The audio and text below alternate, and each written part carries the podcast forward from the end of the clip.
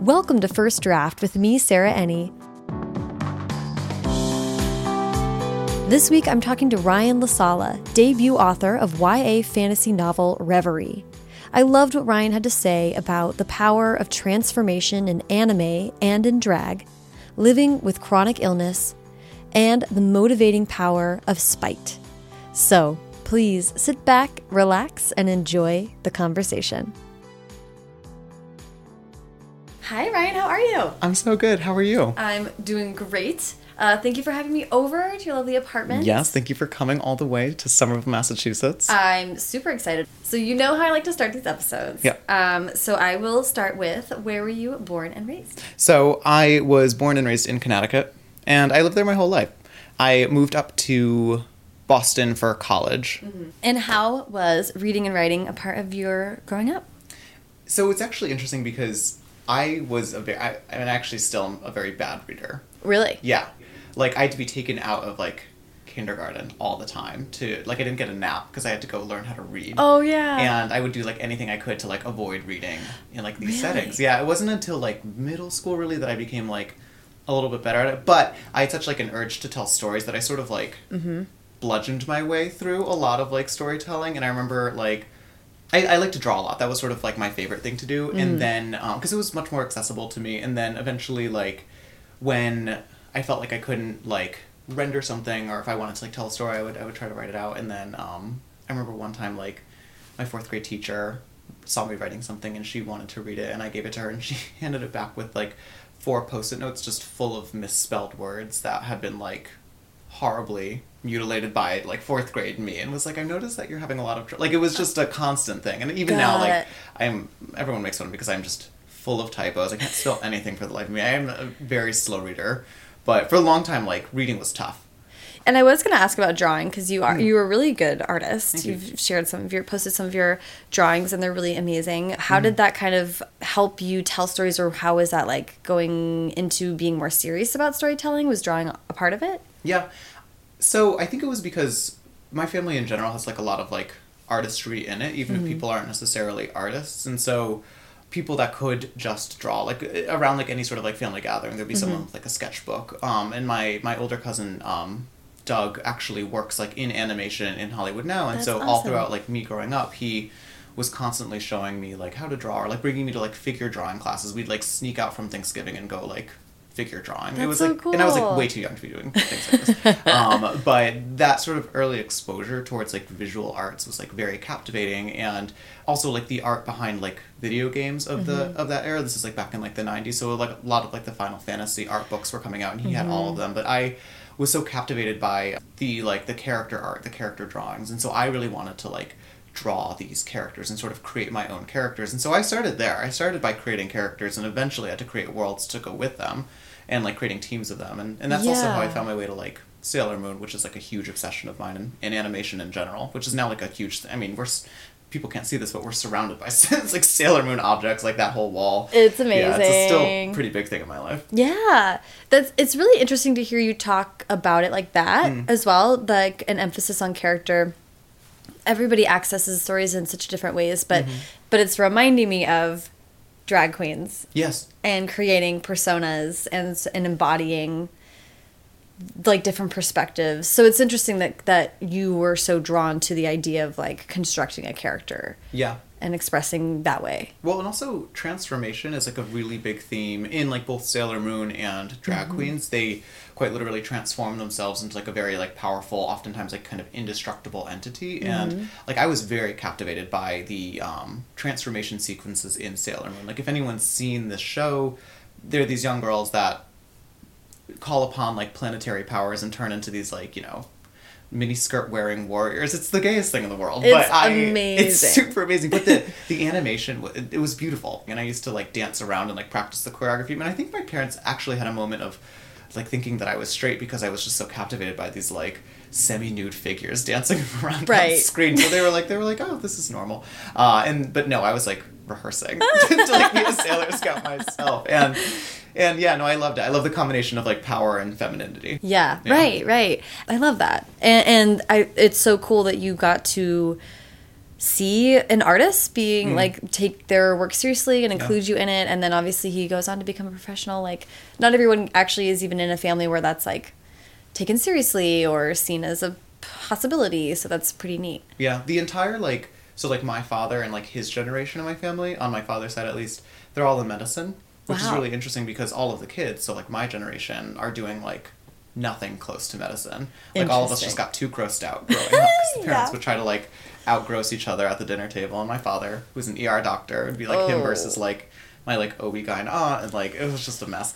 Um, but now like my generation is like I write. We have like a animator. We have like a um, musician. My brother's a geologist. He hides underground for half of the day. Like Cool. he just people do all sorts of things that nothing to do with like Yeah. medicine, all having to do with like discrete passions. went a different way right, exactly. I want to talk about what you studied Mm. in a second. But I want to ask about being a young man and how storytelling was like like in high school and getting a little bit older. Was Mm-hmm. it were you still writing? How was it a part of kind of expressing yourself? So, I, it was like literally expressing myself. I had like the worst time um, telling the truth as a little kid. Really? Yeah, I had a really weird relationship with just like telling the truth, and at any opportunity, I would just like like compulsory like invent things about myself. Mm-hmm. Um, and I think it was because I like figured out that I could tell stories really effectively and like convince people of them, and I just loved to tell people stories, and then that somehow turned into like me sort of telling stories about myself, and so Mm-hmm. like at like summer camp or at school, I would just like tell like like just blatantly lies. Yeah. Like I like in third grade I started this like cult where um everyone uh at in night at like at nighttime in Yeah. our dreams would uh, travel to like a uh, a wizardry school. This is like when Harry Potter was happening as well. Amazing. Um so it- but uh, but no one could like remember the lessons but me. And so like every morning I would like tell my classmates like what we had studied the night before and like people would like get really into it and like I would talk about like like and we had to like figure out a carpool situation at one point because like so many people wanted to be recruited and then I had to like think of like curriculum and books and like kind of keep furnishing proof of this world and that is like I did that a lot with like different scenarios like that summer camp like every year was something different with me That's very elaborate. yeah it was it was nuts it was sick psychopath kid but it was But that but that, I mean that I I love that. Yeah. That's so like hi- imagination on hyperdrive. Yeah, I spent a lot of time lying to people. Um, but like, but in a way that like I don't know, like it was how I felt powerful, and I mm-hmm. don't know that I would even consider. I mean, it was definitely lying, but it was mostly just like it was what I would actually attribute to like what people who really like live action role playing do or role playing in general. Like mm-hmm. it was all about kind of creating a like story with your friends and like also being like a very conspicuously queer kid. Like mm-hmm. I was never one thing about me, I was never in, in the closet. I just was outed from like a super young age by like my mannerisms and the fact that I like loved Sailor Moon and so like and I was very aware that like people were treating me differently. And so I think for me a lot of times it was talking about myself in like a powerful way was going to convince other people. Um, and it became like the sort of the major way that I would like traffic in social circles. As like a little kid, I grew out of this. I don't still do. I, this is the, I'm telling you the truth right now. Ah, okay, Yeah. great. Uh, um, um, I'm really, really interested in that. Mm. That in in in a couple interviews, you've talked about Kane, the main character in Reverie. Also outed from a young age. Yeah, and kind of reflecting this feeling you had. Um, will you describe it as as a loneliness Mm-hmm. of being? I mean, did you have? Was there anyone else in your class that was similar to you or identified as queer? Or Yeah. So there there was, but they would not talk to me, and I did not know who they were because if so some, something interesting about sort of being gay from like a very young age. Mm-hmm. Um, and then the other thing I should say is that I was also like pretty confident about this too. Like once I figured it out, I was like, I'm just gonna like lean into this, mm-hmm. and that has a lot to do with like the way that I was raised and mm-hmm. exposure from a very young age about like what this was and to be proud of it.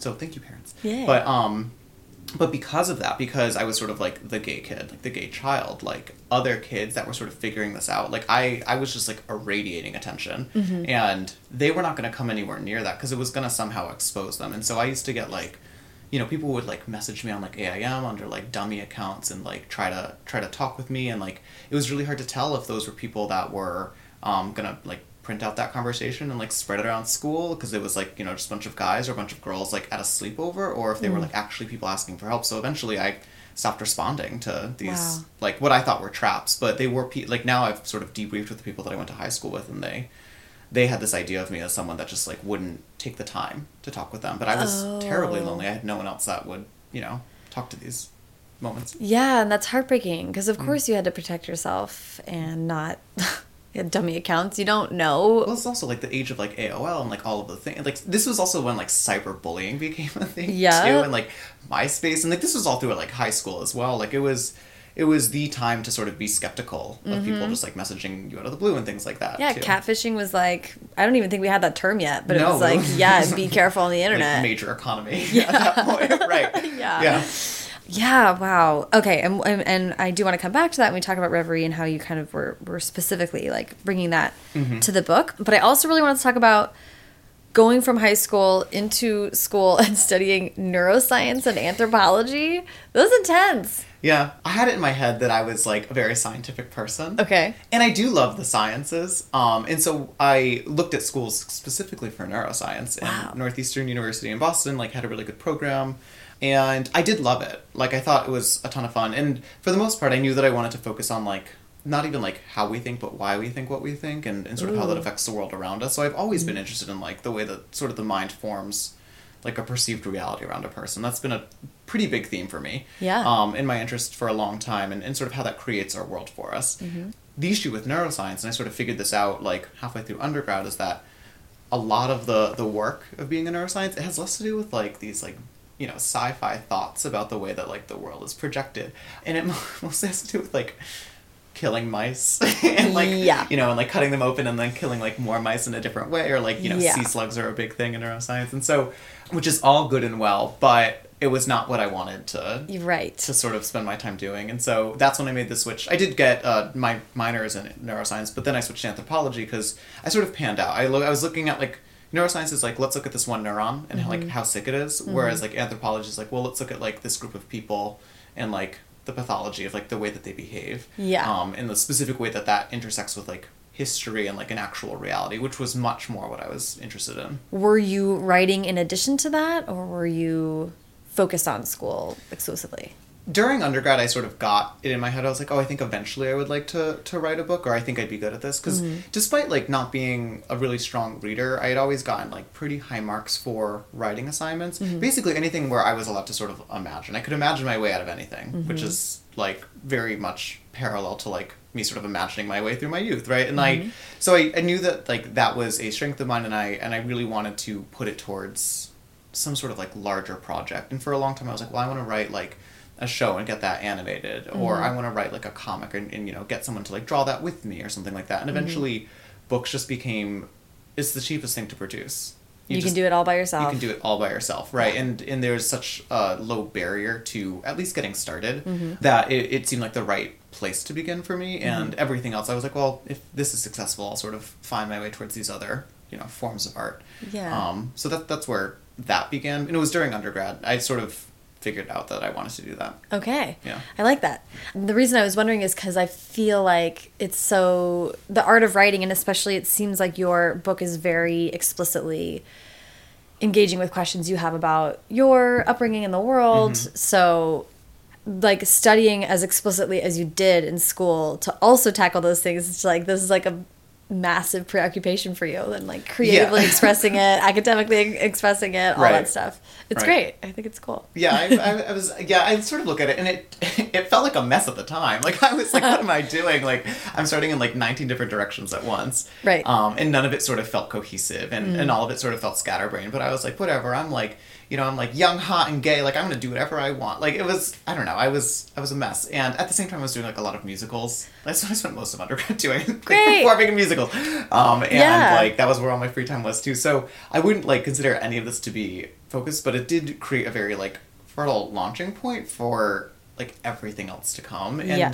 as a result, I really wouldn't adjust or change anything or like it, it's it, it seems very tuned towards my end goal now. Yeah. Yeah. So are then are you a dancer? Yeah, got into performance. Um, my high school had like a huge arts arts budget, Awesome. which was amazing, and so um, there was like a lot of funding for like dance and theater and um, like specifically the choir, very aggressive choir. It was like also like the age of Glee when like that show was coming Yes, on. Everyone was amazed by this, and I was like, this is like my Thursday evening. Ah! Like I have to be at rehearsal in six minutes. I can't watch Glee because I'm going to be in Glee. go live it. yeah, the difference was we were like the cool kids.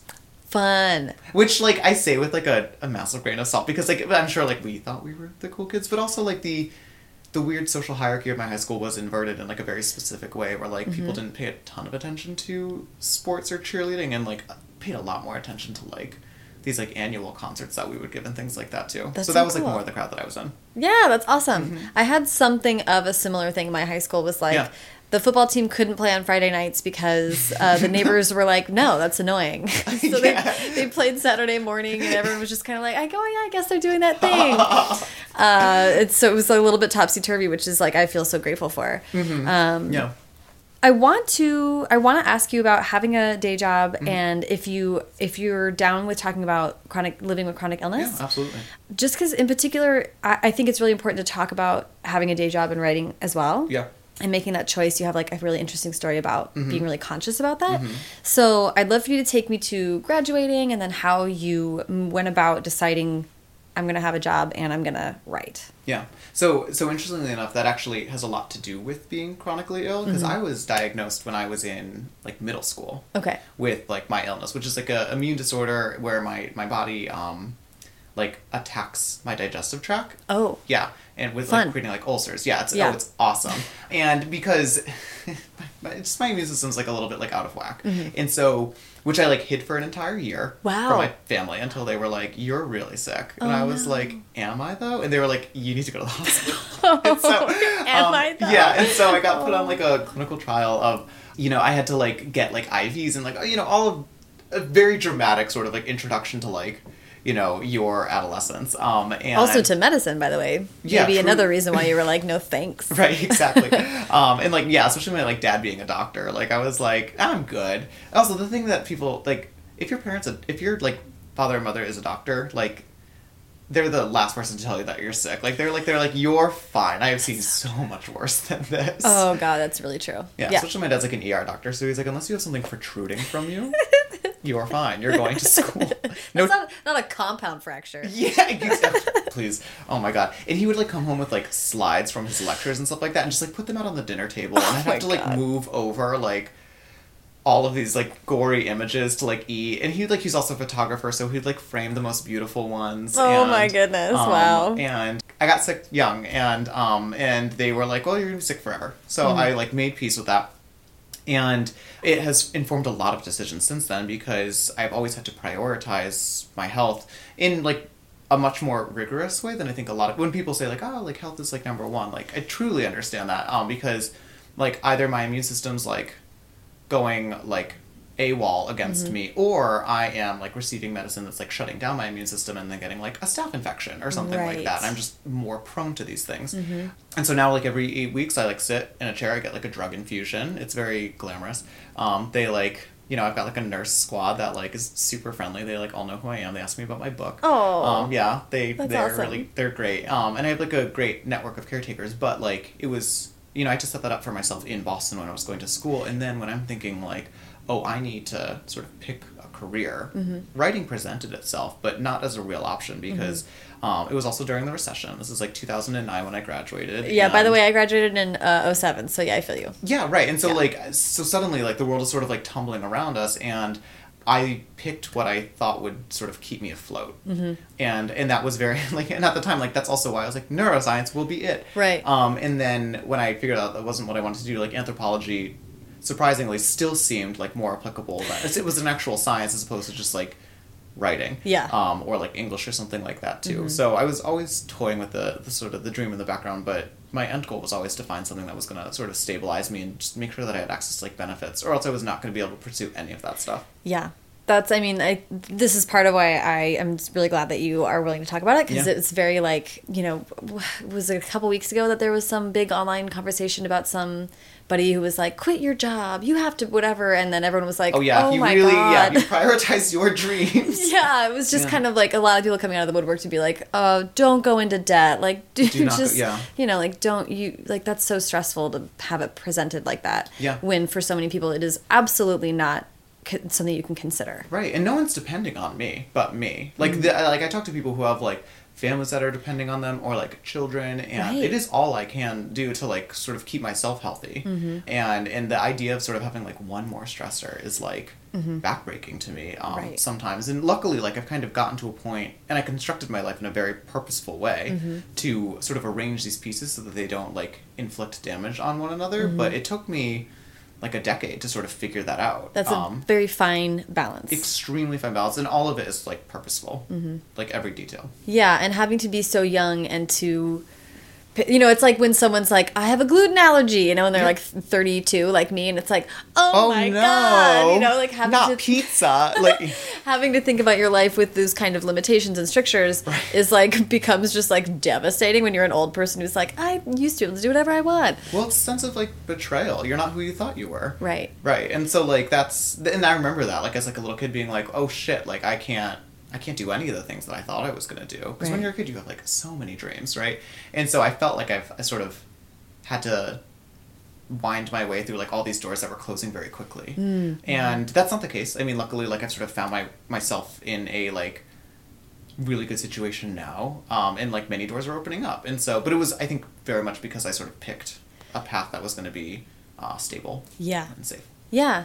Well, good for you. Yeah, thank you. Um, so how how did that go you, with anthropology? How did you? You don't have to talk about exactly what you do or where you work, Sure. but I'm interested in uh, in how you're paying the bills, Yeah. and then how you kind of got started with with trying to write a book. Yeah. So I graduated from college, and I graduated early, in spite of like having this like degree mix up too. Like I, I don't know how I pulled that off. Um, but- Overachiever, we get it. uh, summa cum laude. Who said that? Oh my god, the ghosts in here. Oh, it's weird that they know my um, transcripts. that was the it was sitting right under the tap shoes. Listen. Yeah. no, I mean, I, I really fought for that. I, I am, Yeah, a, I am yeah. a grade oriented person. So, yeah, so I like, I say, I say that I graduated early because I, I sort of like ejected from undergraduate in the middle of December. Oh wow. And I was like, here I am, world, who's ready for me? And the world was just like, eating pasta in the corner, being like, "Who? You're here early. Like, what's going on? Go away." Um, and so I'm like in Connecticut, like living with my parents, Mm-hmm. and um, I very quickly found myself in this deja vu because I picked up my old high school job, working at a Ben and Jerry's. Amazing. Yeah, in like the dead of winter in Connecticut. Oh, wow. Which was like actually my ideal job. I just like s- I just like stood there in like a tie dye t shirt reading. Like it was great, like an A plus job. Um, Oh and uh, and like you know the only people that come into Ben and Jerry's in the dead of winter are complete fanatics that have driven two hours. Right, they're not going to sit there and sample No, like but they're yeah. gonna like hold you at like knife point and be like, "Give me the chunky monkey." Like, and if you don't have it, you're done. Oh. Yeah, and so, but it was great though because I sort of had all this time to like daydream basically, Mm-hmm. and finally, um, I was like, well, I don't have any excuse but to like sort of finish this like project that I've been fiddling with. So, over the next like four to like six months or so in Connecticut, I like had a very like luxurious time writing and just like finishing what was the first draft of Reverie at the time. Okay. Yeah, and that became kind of the only draft for a little bit as I then figured out like next steps because eventually I was like, okay, I need to, you know, sort myself out. So I did like a few odd jobs too. Like I helped my parents out. I worked as a tutor at a detention center Wow. for a little bit. Cool. Yeah, it was amazing. The kids there were awesome, I love and that. yeah, they were they were great. And I was supposed to be like I was supposed to be teaching biology, but most of it was just kind of getting them to focus on like whatever the task at hand was. Mm-hmm. And when that wrapped up, I then got a job working in Boston as a uh, as a recruiter actually. Oh, Or- really? Yeah, I just found my way into working as like a headhunter Cool. in like technology, which was mostly just because I knew people that were doing it, and Mm-hmm. I really liked the people that were there, and it was awesome. It was actually a really fun job for like a year and a half, but it was so emotionally consuming that I didn't write at all when I was doing it. I was reading a lot, um, and I was like reading books that I was like, oh god, like spite is like a major motivator for me, and I like I'm very clear about this because I think it is for a lot of people, but I don't think it's like a clean thing to talk about. Mm. But I was reading books and I was like what the fuck? I can do this. Like I can do this better. And like I'm not, it doesn't even it's not even worth like naming names but the the big theme of it was i was like this would be so much better if it was gay. Like how or or this is gay but not like not for me or like right. this person's dying all like it was it was the the kind of the thing that you hear of like people kill their gays and that trope like was just very frustrating and i was yes. like i don't even want like a issue book. I just want a book about like a gay hero doing like gay things and like yes. Yeah. Which is what alex london talks about a lot. Yes and so i read so i found alex london um, while I was like home or something like that. And this is this is back in like that sort of like intermediate period mm-hmm. as I mm-hmm. was like leaving college and going into the workforce and I found Proxy and it like absolutely blew my mind, like changed my world. And it was like that and like David Levithan and like other mm-hmm. sort of like keystone books in like the canon that like I finally found my way to that were shocker, like written by gay men, um, or like real like queer people as I sort of broadened my scope and mm-hmm um, finally something clicked and I was like, oh, right. Like, I'm sitting here being like, oh my god, like, I'm disparaging these books, but I'm not actually doing anything about it. Mm. But here are people that have done something about it, so, like, why why shouldn't I also sort of, like, join in on this? Like, yeah. if it's something I'm passionate about, something that I want to do, why don't I just try? Mm-hmm. And so that's kind of what got me going. And then then I stalled out because of this job. But right. Um, but also, like, I think about it too. Like, in some ways, I'm always grateful when I hear stories like this because I'm like, you can't not be like maturing and growing and learning. I'm sure some of the stories and experiences you had through that job were like rich fodder. Oh for... yeah, they were great. Yeah, my heart goes out to, to me during that period. I know, past past self, and you you finish a draft. Yeah, and then you kind of get. I, I mean, like especially for a first book, what a gift mm. to have such distance from it. Yes, because then it was so. Yes. Yeah. Oh my god. No. Talk about was, getting back to it. This is like the like renaissance of Ryan at this can't believe I said that. Yes. Don't put that in. Um, you can put that in. I don't care. Um, but the so I was in this job and like I when I say that like I loved my coworkers like they were like family, they were great. But I I recognized the emotional exhaustion mm-hmm. and also like my health was real rocky during this because mm-hmm. it was a lot of stress and uh, and stress is not something that I like do great with mm-hmm. and I finally was like okay I think I need to make a change mm-hmm. and um and I made the change because I wanted to focus on writing more and sort of get serious about it. Mm-hmm. And so I I left that job. I got the job that I'm at currently, which uh, is much more accommodating to like work life balance, and um, the the role itself is much more like focused on like project management. It's still a lot of talking with people, but it's not so much like mm-hmm. dependent upon like convincing people of things, which is yeah. nice. Oof. And I like I converted all of the media that I was ingesting into like things having to do with like writing or like the actual books that I wanted to be writing oh, as cool. well. And that's actually how I discovered First Draft. Oh. Yeah. Yay. So it was this is part of like it was like part of this like I like went shopping for all of the things that were gonna like help me accomplish mm-hmm. my goal and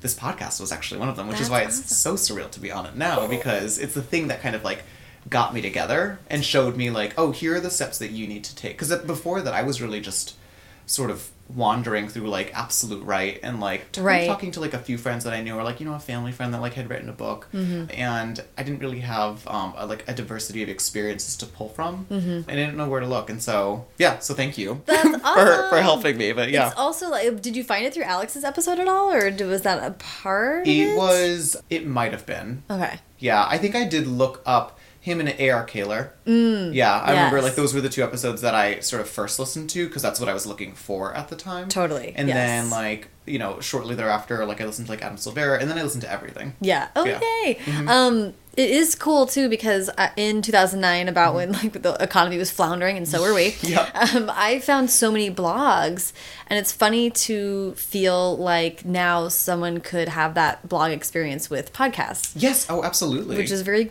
like really neat because I'm obsessed with podcasts. yeah, and I remember like I did look at well, you sort of reference this, but like people stopped blogging. It just went away. It just went away, yeah. and so I during like that time though, I was like still looking. I was like referencing like Veronica Roth's blog from forever ago. Right, right. Like from when she got like her first like revision letter or right. something like that and that to me was like like it was like very biblical and like what it meant to me as i was like you know figuring it out because it was right. like oh it's real like she doesn't even know what's coming mm-hmm. um and same thing for like a bunch of other authors that are like very big names now i sort of had to like forensically reconstruct their history. Totally. And so that's why like finding something like this that like seeks to sort of demystify those yeah, steps and yeah, those yeah. pathways and seeing the similarities but also the differences and mm-hmm. sort of mm-hmm. what mattered to people um, was like very changing Yay. for my process. Good.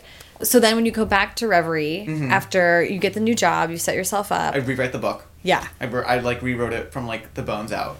Um, Did you reread it first, or were you just like, I no no because at this point I had like had it in my head for so long. Yeah. And like it's also the only book I've ever been working on. So like yeah, I knew about I knew what I wanted to keep and what I Yeah. didn't and sort of what was valuable and I had spent so much time sort of chewing it over that no I Mm-hmm. just sort of like sat down and got to work.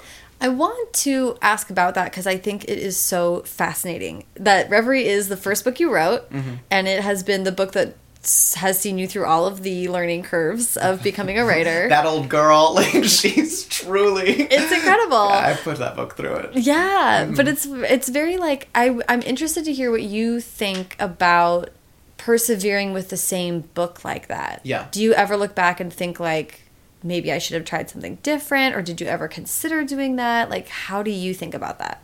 Yeah, no, I uh, it was spite.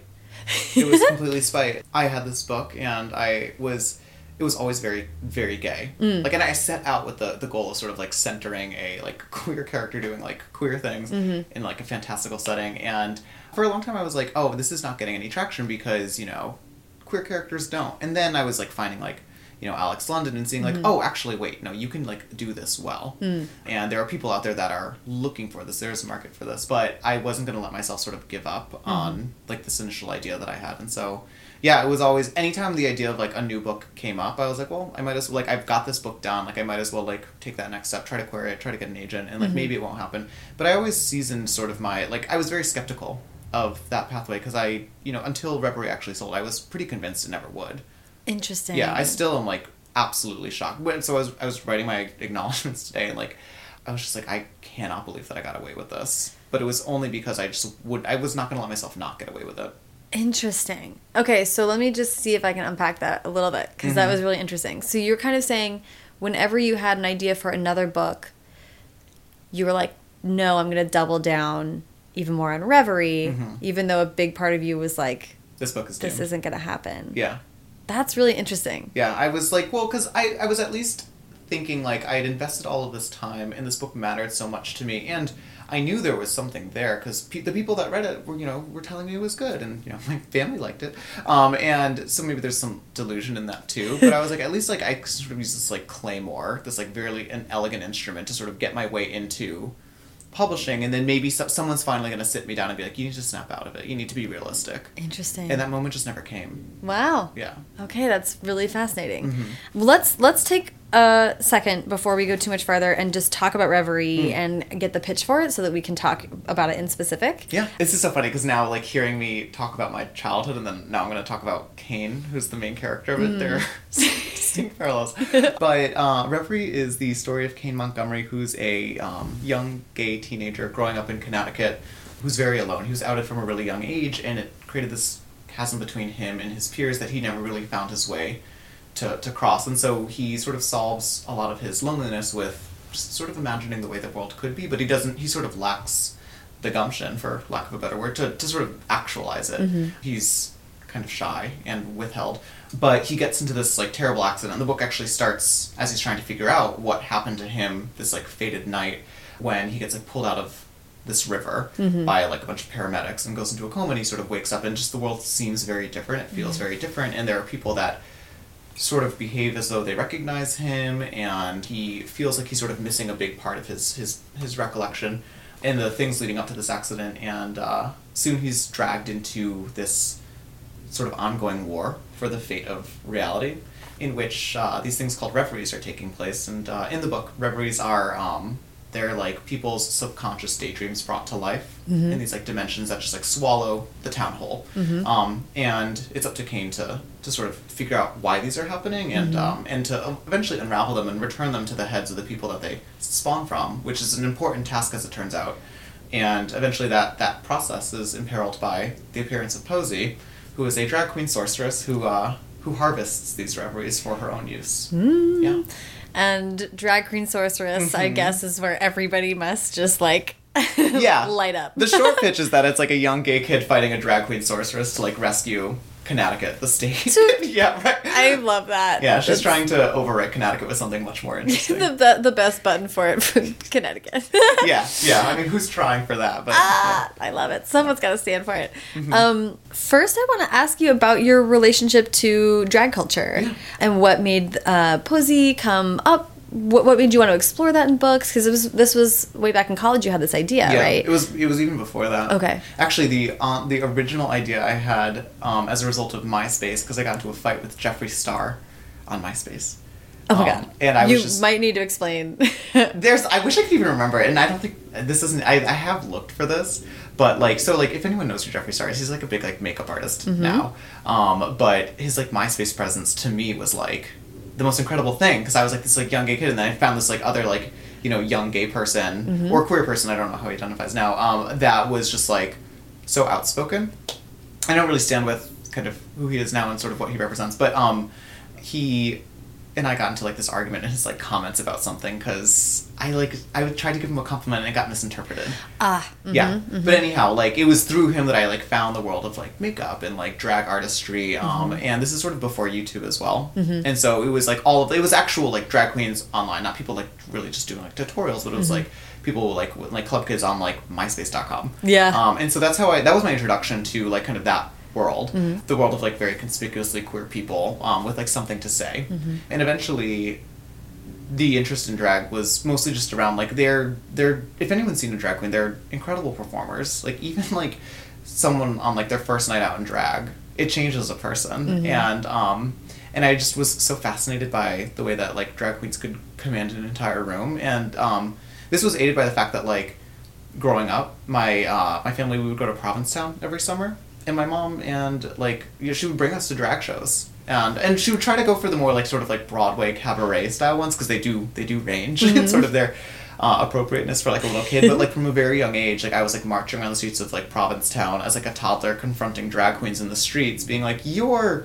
you're a man and like you know, they turn and be like, "No, I'm a goat. What are you talking about?" Like it was like it was my favorite thing to like talk with them. Um, I was just amazed by them and like the attention they could sort of summon from you know a crowd of bystanders, and Yeah. so it was a very early fascination with like drag's specific intersection with like being a like focal point for the gay community. Yeah, that's amazing. Mm-hmm. I love that you were uh, that you were there as a kid so much. Oh, yeah. because that's also reminding me of like, and I hope I certainly hope this comes across the way I, I'm intended it. But there is something cartoon Yeah. esque and animated, right? About like they are putting on this beautiful persona Yes. and they are larger than life, and that's so very Sailor Moony kind Yeah. of this. Well, yeah, transformation. themselves. Yeah, and I it's always been about that like transformation. Right, I just love that people can sort of create that power for themselves, Mm-hmm. and that's actually a huge theme in Reverie too. Like the the characters that are in it can you know befriends these people that have power similar to them or to him, and um, discovers pretty early on that like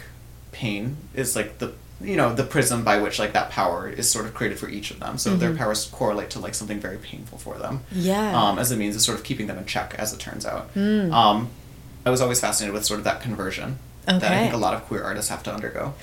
Right. And and then where did the idea come from to make Posey uh, the villain of the story? Yeah, so that that's like a very simple answer. Like if you've met a drag queen, like there's a there's a sort of an element of like glamour and villainy that I think.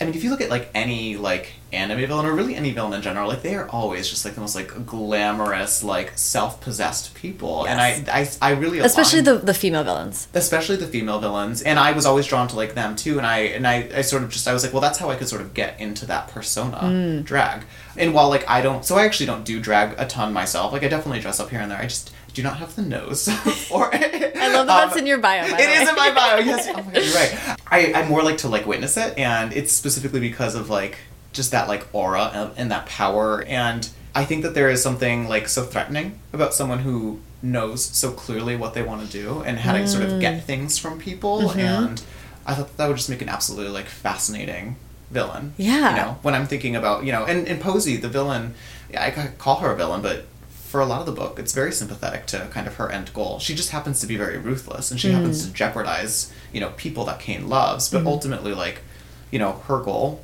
is sort of a noble one she wants to sort of create her own reality that's fashioned after things that she likes where she'll you know belong and Mm-hmm. i think that's a plight that a lot of you know queer people resonate with, and I think it's something that a lot of drag queens just do by existing in these spaces.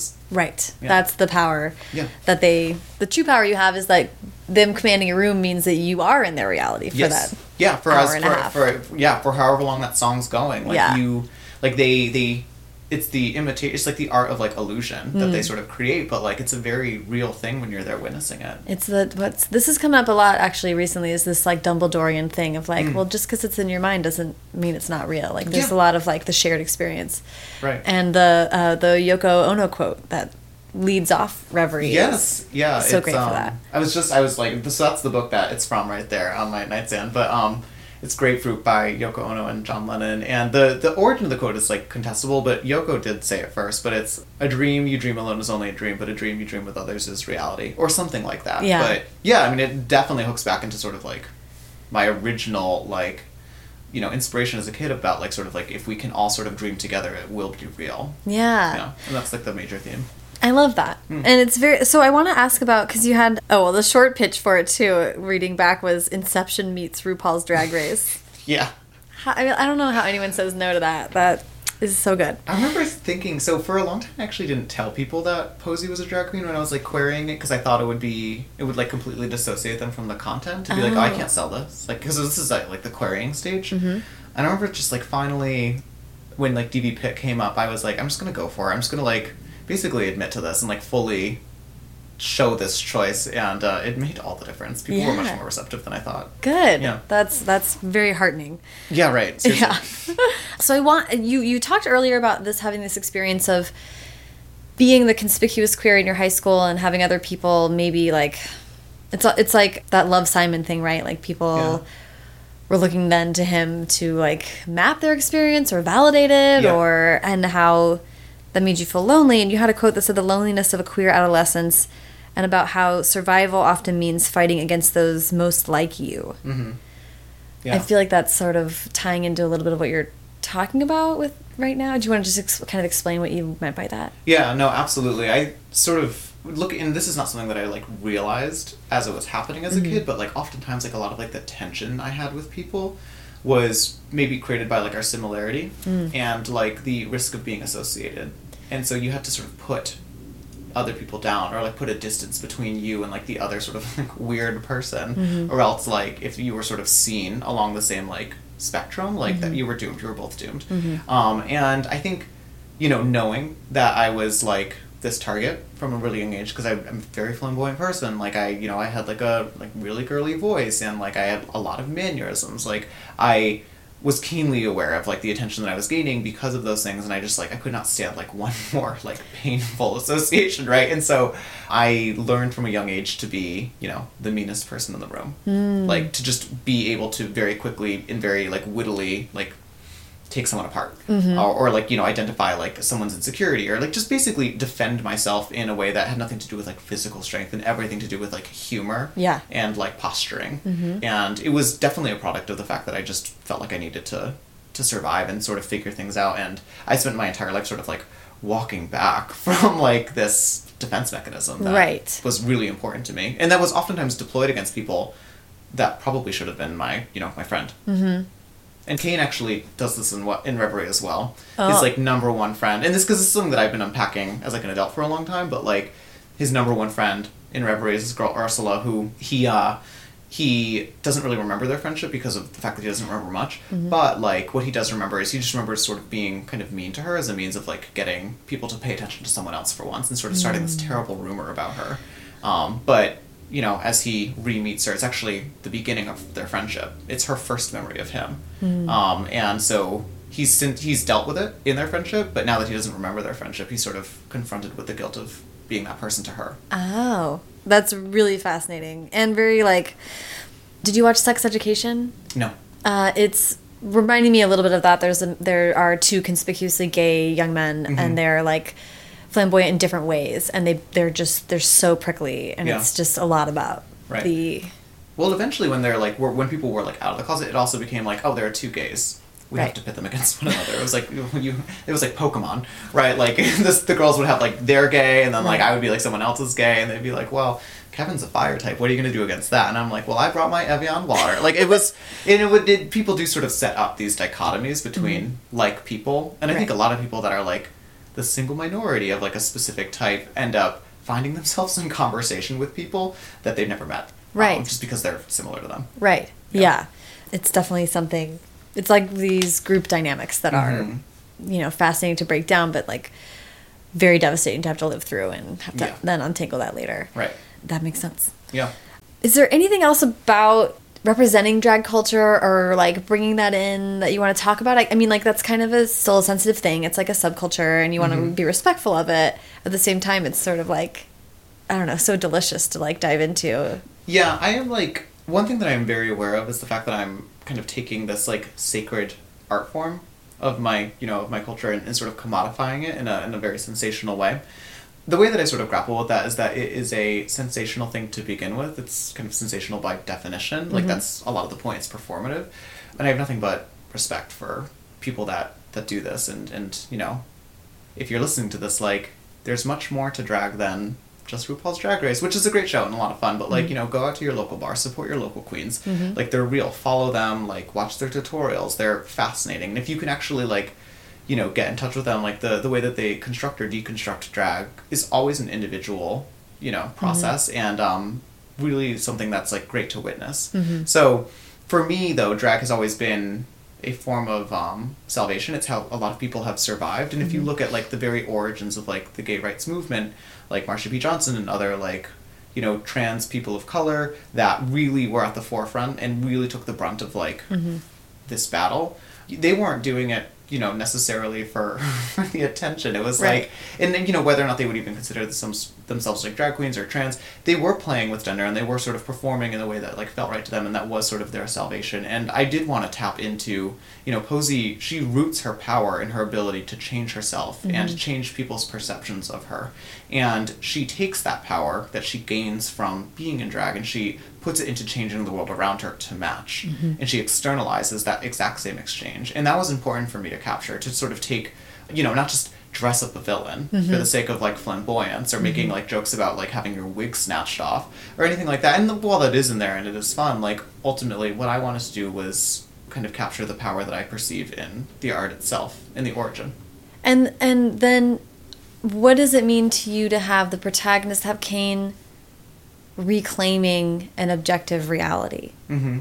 Like Yeah. So there's um, this this is like I don't know that this is like an uh, interesting conversation, but it's definitely a conversation that sort of takes place in my head where gay communities tend to be kind of insular Mm. because they had to be for a long time, right? Like we sort of had to have our own spaces and we just sort of create our own realities that took place in like you know nightclubs or what have you um just places that were meant for us and created by us Mhm. and posey does really represent that modality of survival like she is there to sort of create a sanctuary for herself and people like her and if you don't fit in then you're not invited Mhm. and kane meanwhile he's from a younger generation and um, you know his whole thing his whole character journey is about learning not to sort of withdraw from the world but instead to sort of outwardly project into the world and sort of change the world around him Mhm. and not necessarily replace it like posey wants to Mhm. um, and so the tension between the two of them is while they're very similar they're both you know they're both like cis queer men or you know boy and men their their whole debate is you know how do you sort of fight somebody who is the most like you when Mhm. the way that you are trying to accomplish the same thing differs in a really Mhm. fundamental way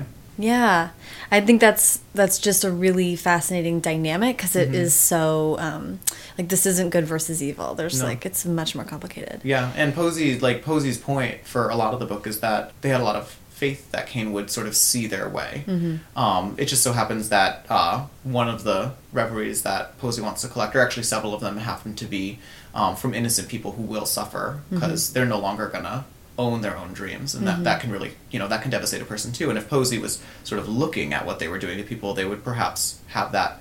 Um, that empathy, but Yeah. at that point they're sort of they're sort of beyond caring about people that don't really belong in the Mhm. reality that they're creating and you know any reality any any world that is created from the mind of one person is going to be infested with that person's prejudice, Mm-hmm. right? Like, and and I think that's what a lot of people forget when they are like the sole creator behind something, Mm. and that's what Kane comes to realize when he's looking at sort of this sterile vision for something. Because even though it will be a sanctuary for Posey, and people like Posey, it's exclusionary for a lot of other people that don't necessarily fall into you know Posey's sympathies, Mm-hmm. which is dangerous.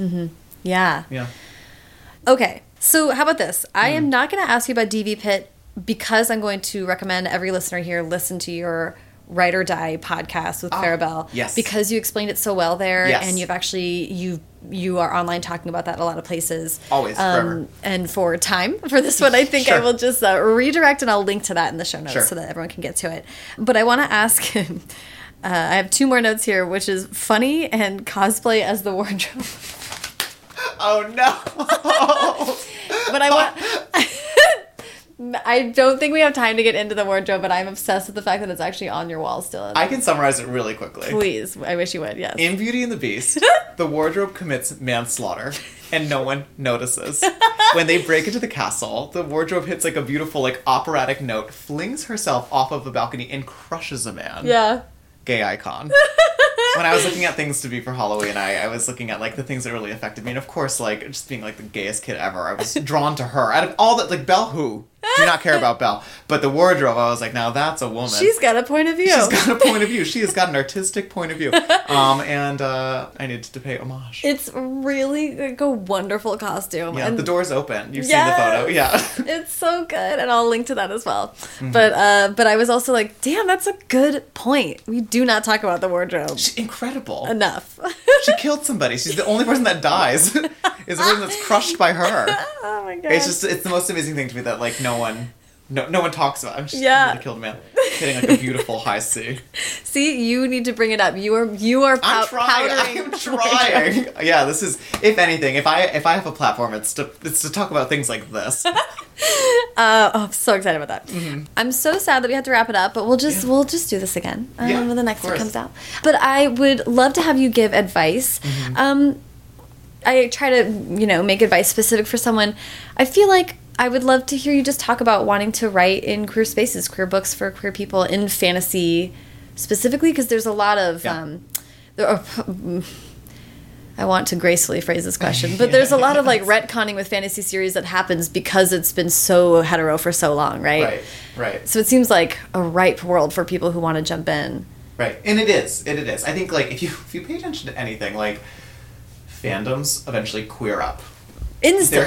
They're, they're IPs that they're attracted to. Yes. Um, and like yeah, not even eventually. Like usually it's like very instant. And um, you spend enough time sort of watching that happen, and you think like, oh, how much fun would it be to just start there, Mm-hmm. to not sort of have it be this like retcon or headcanon Right. or um like you know some no name Right. author from England deciding that I know. Yeah. Years after the Years fact. after. Which is like fine. That actually, I, I love that because like that is a major spite move. Like he was gay the whole time. Like I know. I actually did love it then. Very Since then, funny. it's sort of deteriorated in terms of like the the bait and switch. Yeah, But yeah. my point being is that like, you know, there there is a um, real like interest in stories like this and Yeah. um and in sort of starting from this point of view and not sort of working your way after you've sort of gained an audience Mm. and yeah I, i'm perfectly aware that sort of writing something that is as gay as uh, reverie is going to be seen as exclusionary but for the most part like that content was always going to be in that book whether it came out in like book two or book three or you know book one or what have you and um, and eventually that was going to be maybe prohibitive for a certain set of readers but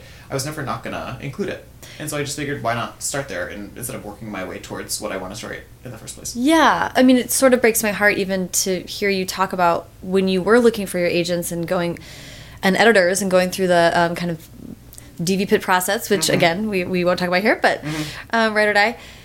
But that you felt nervous about bringing up that Yeah. it was so gay. right But I'm glad that it obviously like turned around for once you started talking about it. Right, and I think like part of that is also the fact that like luckily within publishing like queerness has sort of gained like allure in some places, and I think it's because there have been like a lot of like really vocal writers and um, like gatekeepers that have like talked enough about this that now like you know just sort of walk out onto a pitch stage and be like my book is like RuPaul meets Inception and have that make any sense to anybody Right. like f- three or four years ago that probably like RuPaul was like burgeoning through like actual mainstream, but it wasn't necessarily it didn't have sort of like the same like significance. And so it's sort of a new thing where like drag has also entered the public eye Yeah. in a way that um, is accessible to like people who have maybe have never been to a drag show or don't go to like gay nightclubs and sort of encounter drag queens like very regularly. And so that was very helpful too. But eventually, it just it I, I sort of realized that people wanted this story, or at least you know the people that I was talking to did, and maybe you know maybe I just needed one person to to sort of take a chance on me. Yeah. Um, yeah. which is what happened. Yeah, Yeah. I love that. But for the advice level, Mm. I guess, I mean, just for young writers, just young writers that maybe want to tell queer stories, Mhm. if there's anything in particular that you would Yeah, tell them. I would say that we're waiting on you. Like, please hurry up. Like, I am so excited about all of the amazing queer stories that are coming out, and all of like the young queer writers that I talk to that like DM me, and like, I want them to know that there is an expectation that they will do this work. I'm really excited for them, and uh, I think half of the battle is knowing that someone wants to read this, that someone is asking you for this, that you're not just you're not just doing this for you know self preservation or for like the glory of it, but like really there are people that are waiting for this, that are really clamoring for publishing these stories that are diverse and interesting, and um, you know have like a range of experiences with them. And so I think that that's like my broad advice. I think if I had to give like very tactical advice, I think people need to spend time sort of interrogating the inclusion of queerness in their work. Hmm. Um, I think that if you want to just include gay characters for the sake of having gay characters, that's totally fine. But you're going to be asked about, you know, like we're talking about it right now. Like hmm. what, you know, what is the intersection of like your art and your queerness? Mm-hmm. And the thing that like really helped me figure that out is I did sit with Reverie and interrogate why I was including these characters, sort of what that meant to me. Mm-hmm. And you know, if I had to give like one bit of advice to just writers in general, it would be to interview yourself. Part of what Interesting. yeah, part of what like let me sort of access why I was writing like the queer characters that I was writing, why I wanted to include them the way that I wanted to, and what sort of helped me what I hope is create like an impactful project. Um, is because I spent a lot of time listening to like podcasts like this, pretending, you know, that I was in them. How would I answer these questions? And eventually I worked my way towards like what was the thesis of what I was trying to say? Yeah. Or the thesis of like this character's inclusion. Like what's the utility of this? And I think as queerness becomes more common, mm-hmm. like we're moving towards like a space where like the idyllic queer story, where it has nothing to do with the character's gayness, is mm-hmm. like becoming popular, mm-hmm. which is fine. But um, but a lot of there's a whole range of queer experiences, and it's really rare that queerness exists in a vacuum.